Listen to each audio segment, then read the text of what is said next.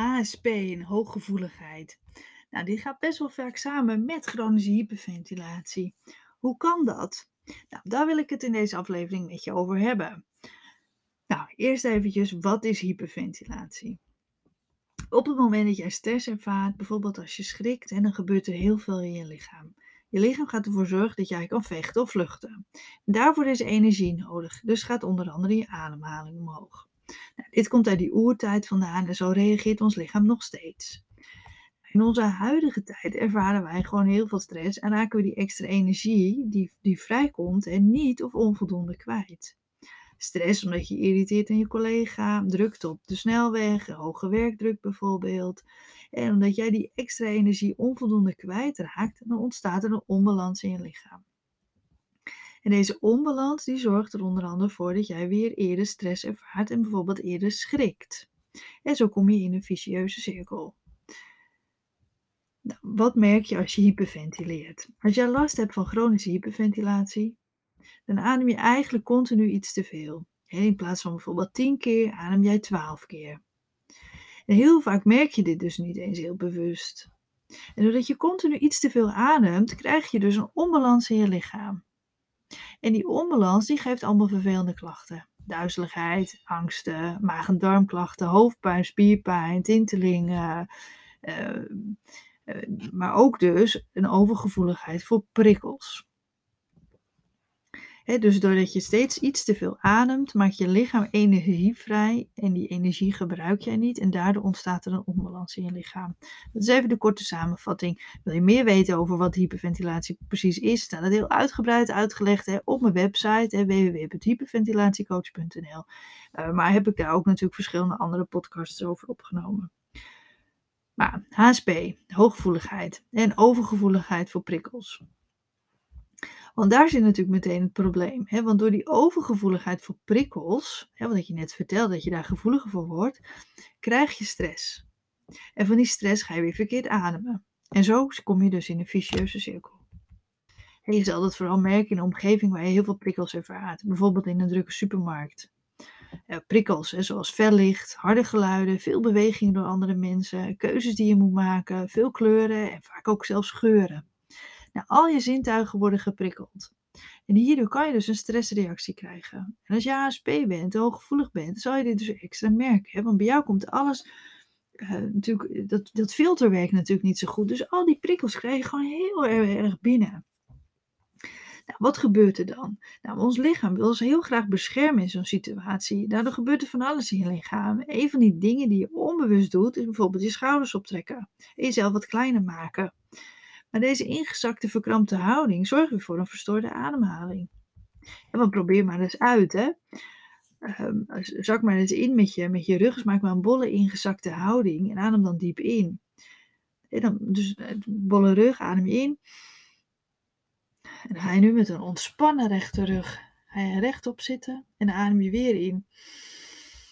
En dan voel je dat je veel beter kan inademen, dat er veel meer ruimte is. Wat doen wij als we angstig zijn? En dan maak je jezelf klein.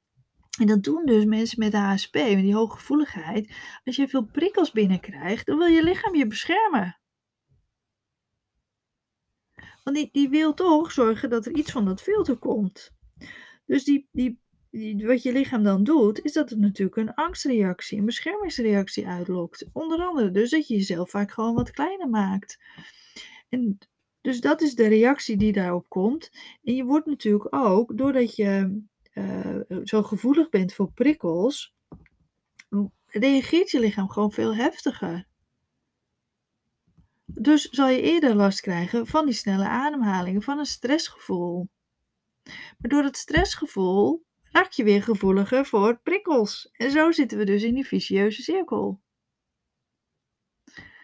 Dus dat is het verband tussen HSP, hooggevoeligheid en hyperventilatie. En dat is echt wel een belangrijk, uh, een belangrijk verband. En wat, belangrijk is om, om voor jezelf te weten, dat dat dus ook een mede-oorzaak kan zijn van de hyperventilatie. Het is dan echt super belangrijk, eh, als je daar last van hebt, om echt de tijd te nemen om op te laden.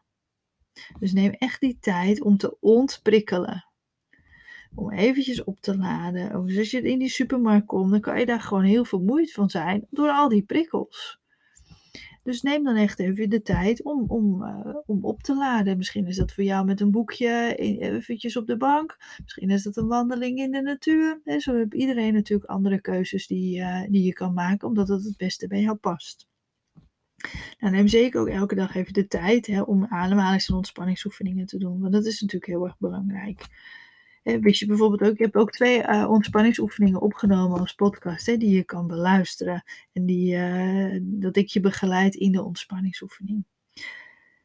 Nou, wat ook belangrijk is, is goed je grenzen gaan bewaken. En kies er dus ook voor om soms bepaalde situaties met veel prikkels gewoon te vermijden. Dus als we bij, bij dat voorbeeld van de supermarkt blijven, ja, kies er dan bijvoorbeeld voor om niet op zaterdagmiddag eh, naar de supermarkt te gaan, maar bijvoorbeeld in de avonduren, waardoor het veel rustiger is. dus maak het jezelf wel veel makkelijker. Wees veel liever voor jezelf. Dus dat je gewoon minder prikkels uh, ja, hoeft te verwerken, waardoor je minder vermoeid zal raken en minder uh, stressreactie hebt, wat gewoon veel prettiger voor je is. Nou, leer jezelf ook echt goed af te sluiten voor prikkels. Hè, wat dat is, is natuurlijk ook weer voor, je, voor iedereen anders. Maar heb je veel last van, van uh, visuele prikkels, dan kan het bijvoorbeeld zijn dat een zonnebril je kan helpen.